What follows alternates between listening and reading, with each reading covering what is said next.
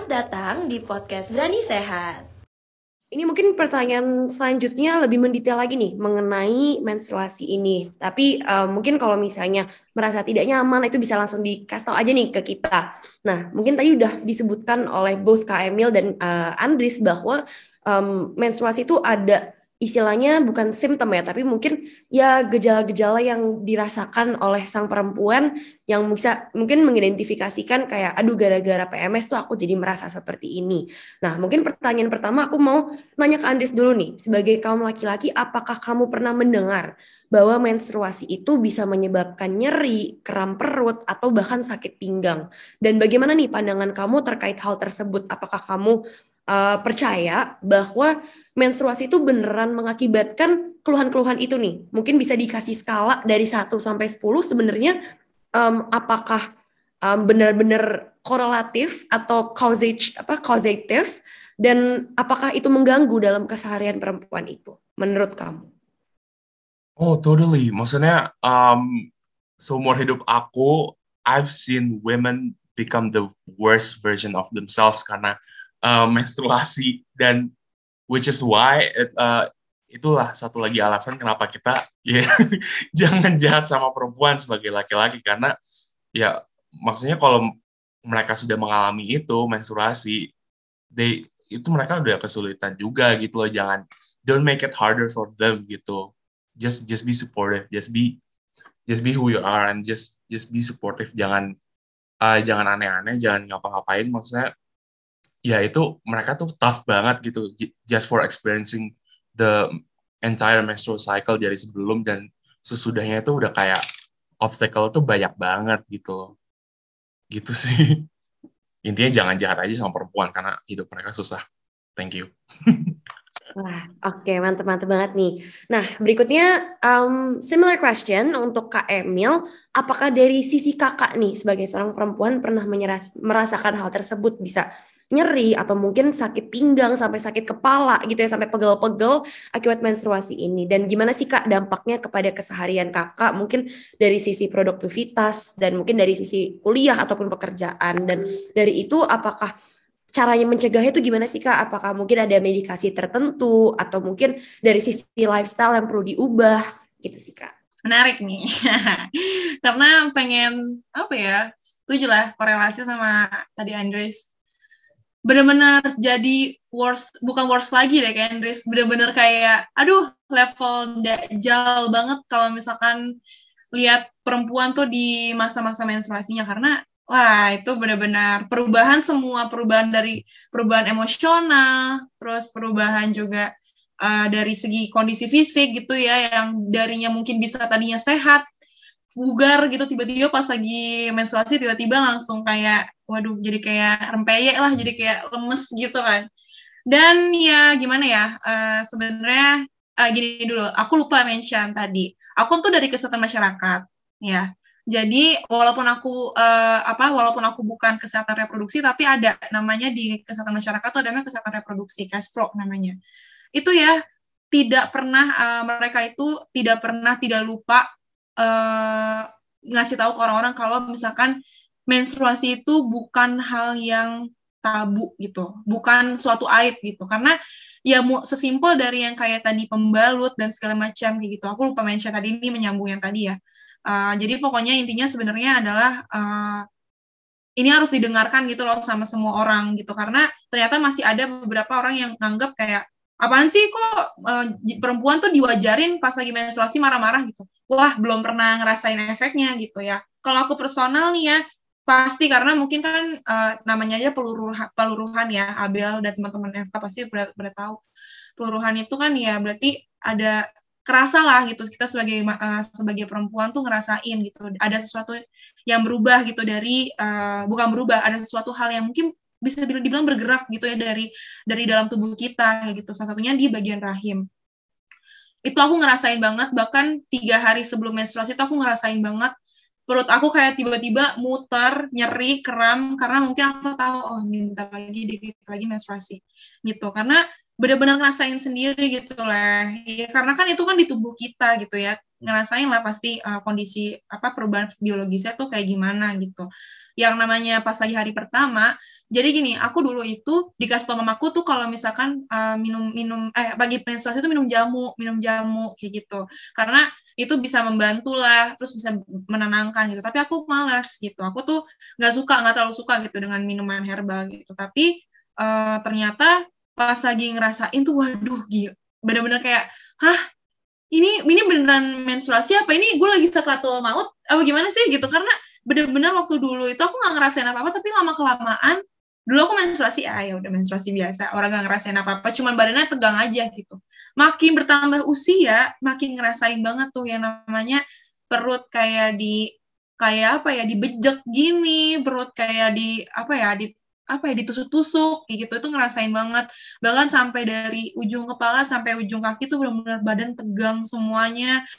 Padahal kan kayak ya ampun ini ini setiap bulan bakalan kayak gini gak sih? Kayak gitu. Aku ngerasain kayak gitu. Karena benar-benar sampai yang kayak pinggung eh pinggung jadi pinggang.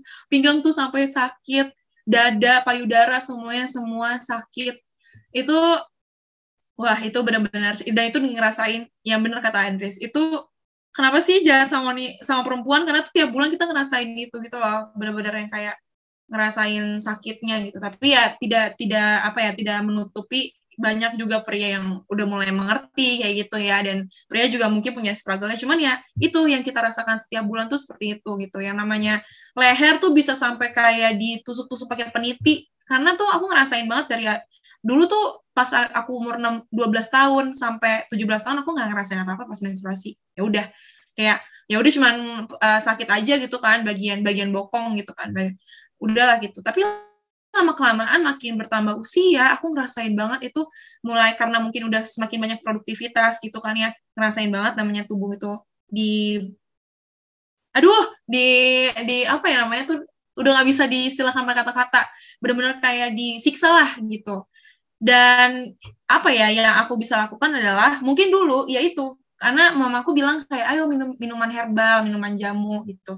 Itu bisa membantu lah istilahnya mengurangi lah, mengurangi nyeri gitu. Walaupun memang pasti bakal ada tetap nyerinya tuh ya pasti ada gitu. Dia minum jamu. Walaupun aku nggak sering, karena aku nggak kurang suka ya minuman herbal, ya aku tetap minum kalau kalau misalkan aku lagi telat menstruasi atau misalkan kayak pas lagi menstruasi sakit biasanya aku minum jamu gitu.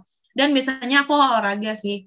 Itu bener-bener ngebantu banget. Mulai dari yoga sampai yang workout ya kecil-kecilan aja lah. Itu tuh sebenarnya membantu gitu. Dan sebenarnya adalah pas lagi bulanan itu mungkin kalau misalkan nggak sanggup olahraga nggak bisa ketemu jamu ya adalah istirahat.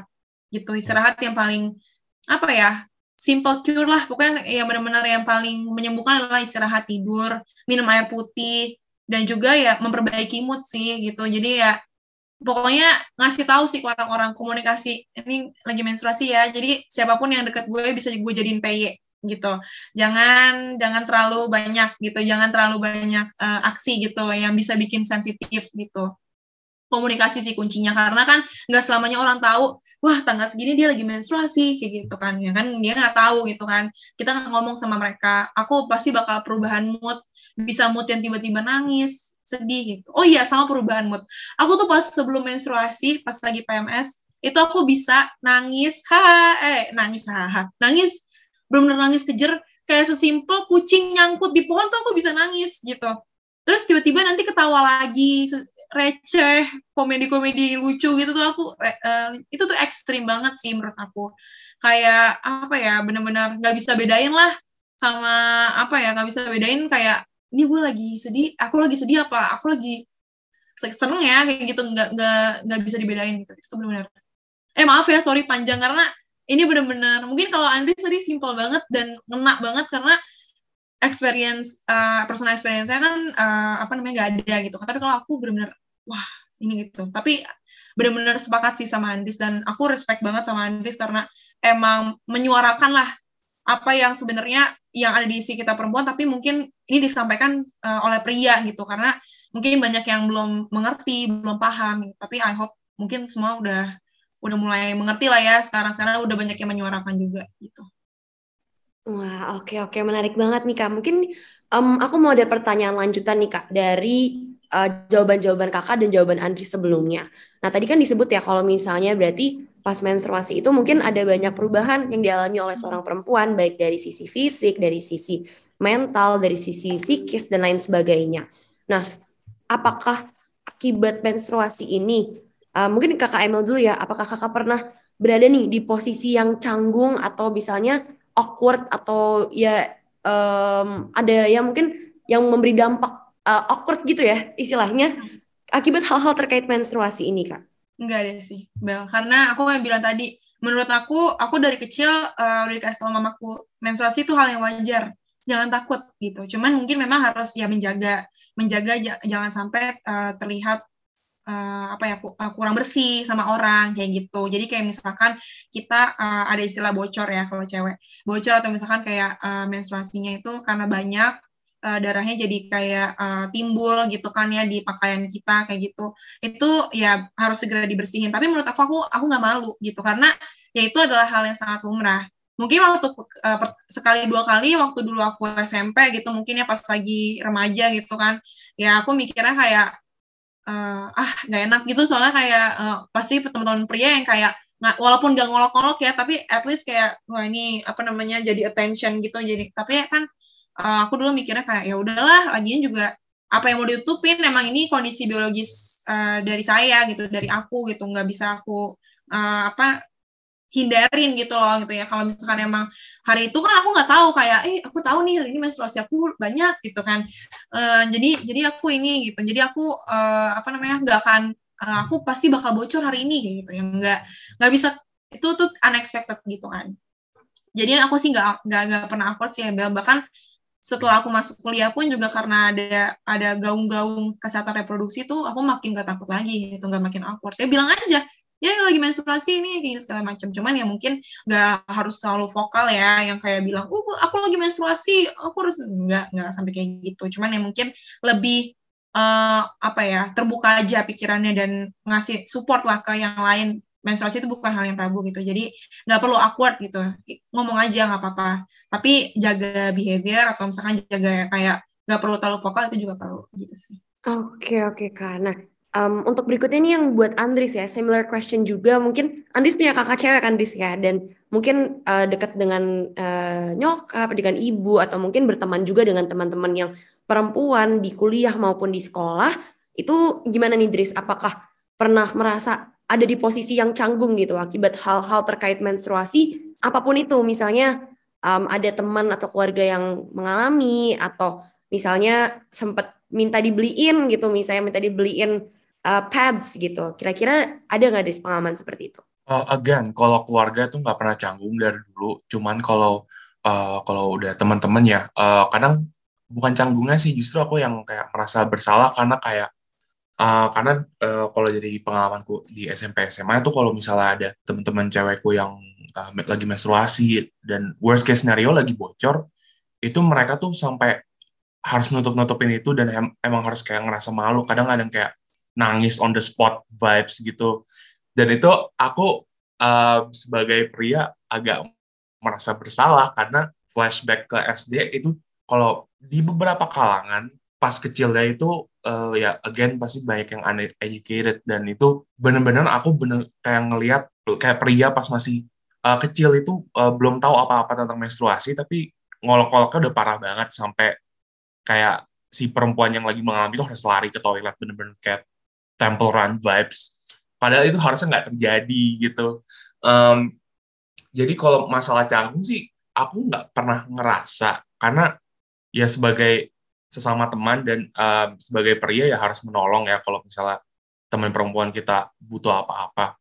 Um, ya tapi um, itu aja sih lebih ke merasa bersalah aja karena ya sebagai kaum pria yang dulunya itu uneducated dan memang belajarnya dari uh, sumber-sumber yang nggak accurate jadinya pandangan kita terhadap menstruasi pas kita masih uh, belum setua belum belum uh, belum se-educated ini malah justru uh, pandangan kita tuh uh, oh that's not natural. Uh, itu harus harus di harus di jadikan center of attention. Itu kan salah banget gitu loh. Jadi um, intinya sih aku nggak pernah canggung tapi most of the time aku kayak ngerasa bersalah aja. Kayak aduh why why, why does it have to happen ya? Kayak why why do they have to feel guilty? Pasti karena ada bagian dari society which is man pernah ada yang buat salah di bagian itu tuh pas masih tahap-tahap pembelajaran jadi maaf banget uh, saya sebagai representatif dari kaum laki-laki saya meminta maaf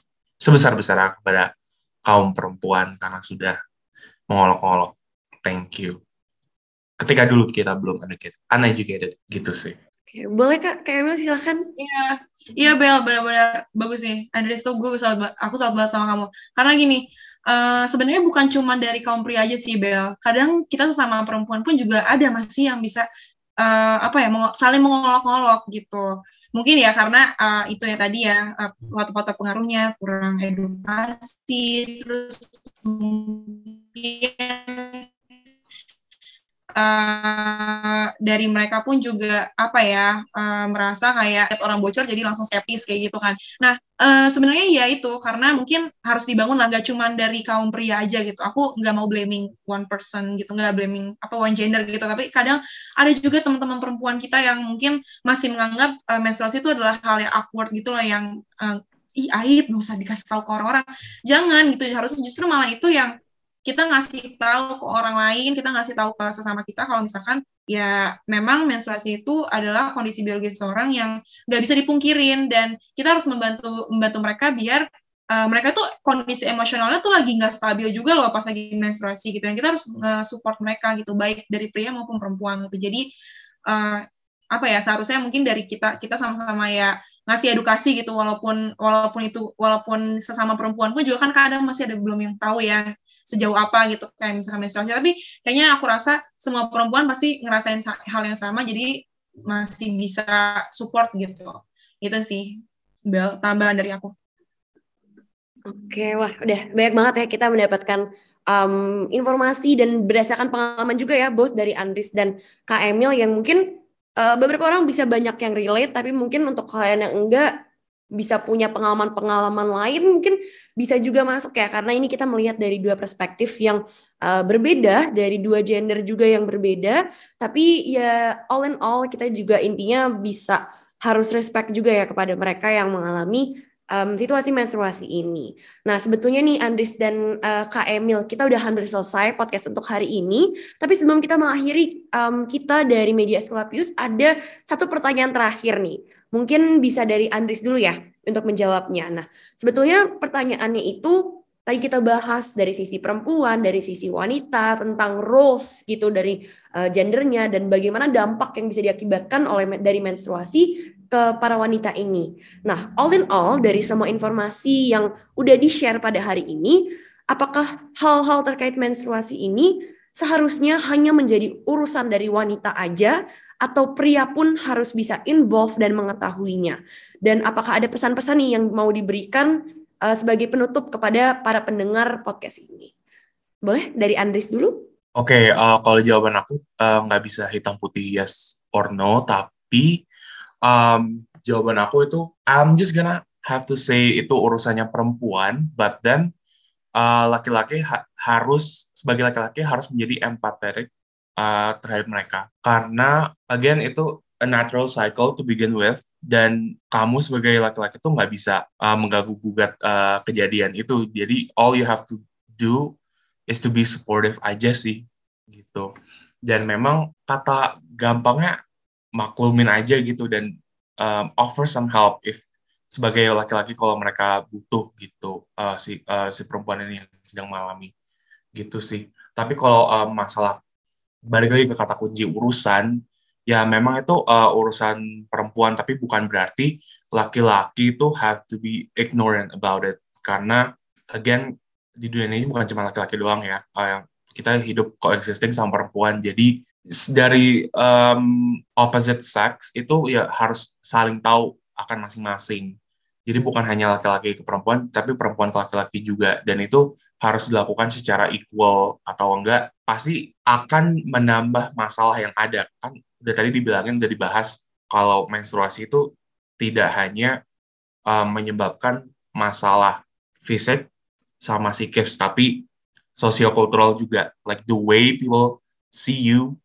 hanya karena kamu sedang mengalami itu bisa berubah kayak padahal nggak nggak bikin salah apa-apa gitu nah kalau memang sudah kita sebagai uh, laki-laki uh, memang atau memang sesama perempuan again kata Kak, Kak Emil tadi uh, justru nge-encourage uh, women buat nutup-nutupin itu dan menjadikan menstrual cycle sebagai hal yang aib ya jangan gitu just you can do better gitu intinya untuk sesama perempuan maupun itu dari laki-laki ke perempuan gitu. Oke oke Dris. Uh, mungkin kalau misalnya dari Kamil gimana nih kak pendapatnya? Ya oke ini mungkin juga sebagai closing statement kali ya uh, Bel. Ya mungkin intinya yang tadi kita bahas kan adalah bagaimana uh, apa ya lingkungan sosial itu kan melihat bagaimana sih menstruasi itu yang terjadi di perempuan tuh apakah suatu hal yang hina atau enggak kayak gitu.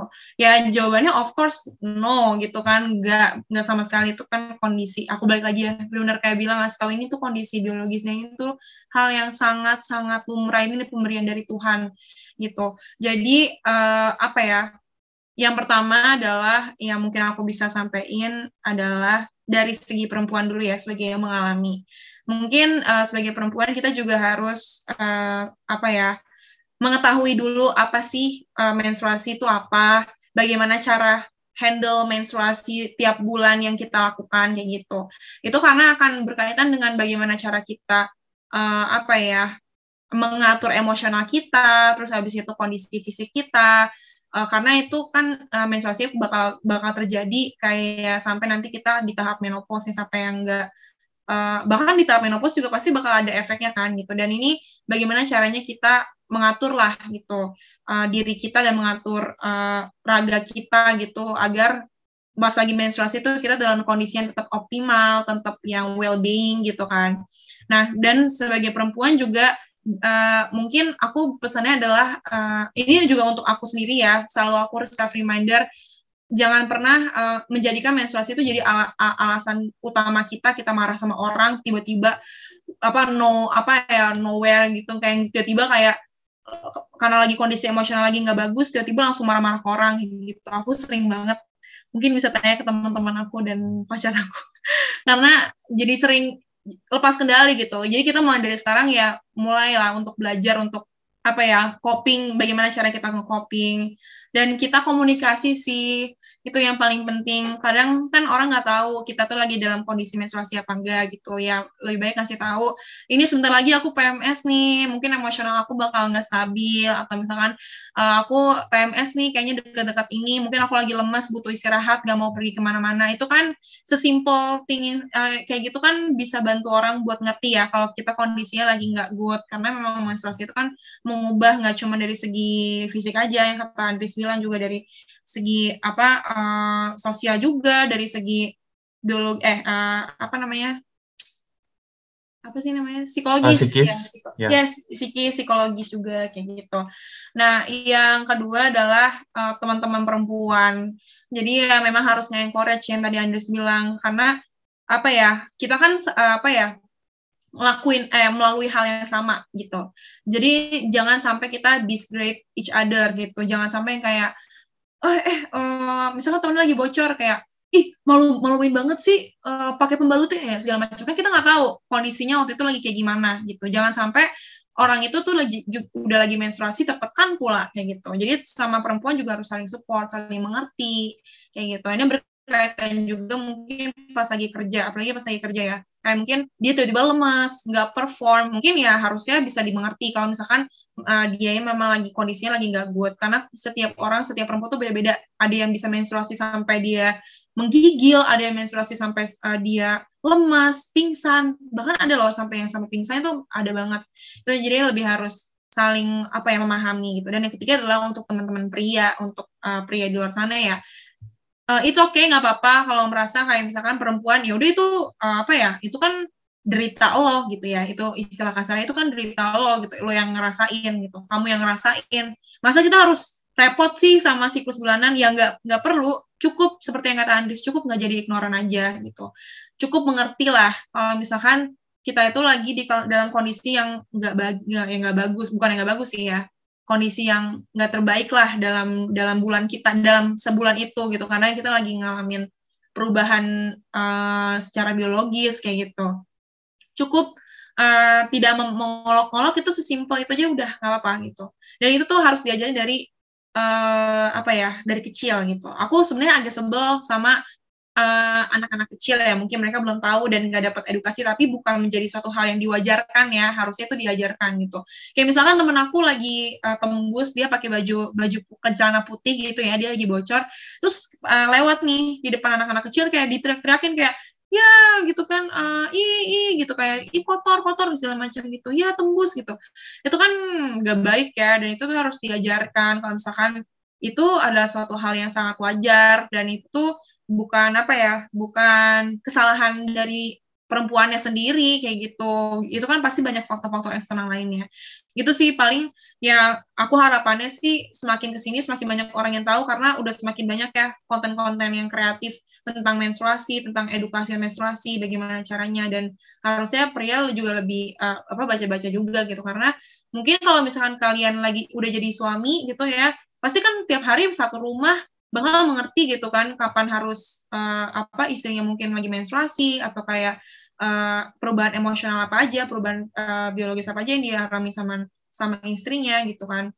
Itu kan udah harus tahu sebenarnya itu jangan sampai nanti udah mau berumah tangga mau tetap ignoran soal menstruasi malah wah itu sih nggak bakal bagus juga sih kayak gitu.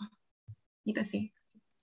Oke, wah um, keren-keren banget ya udah tadi tanggapannya semoga di take note juga nih sama teman-teman pendengar bahwa um, informasi di sini yang udah di share sama Kak Emil dan Andris itu bisa menurut aku sangat-sangat berguna banget nih buat nambahin knowledge atau bahkan ya sense of awareness dah untuk um, kaum kaum wanita yang pernah mengalami menstruasi ini. Nah sebetulnya sudah berakhir sudah podcast kita untuk hari ini dengan judul menstruasi masalah tabu atau malah perlu tahu. Sekali lagi terima kasih banyak ke Kak Emil dan Andris atas waktu dan ilmu yang diberikan dan semoga amin ya bisa beramanah untuk orang-orang di luar sana. Oke, okay, thank you Kak Emil dan Andris untuk waktunya. Thank you, thank, thank you, you for having us. Thank you for having us. Thank you Andris. Thank you semuanya. Oke, okay, thank you juga untuk para pendengar yang udah um, stay in touch terus dengan podcast kita and see you on the next episode.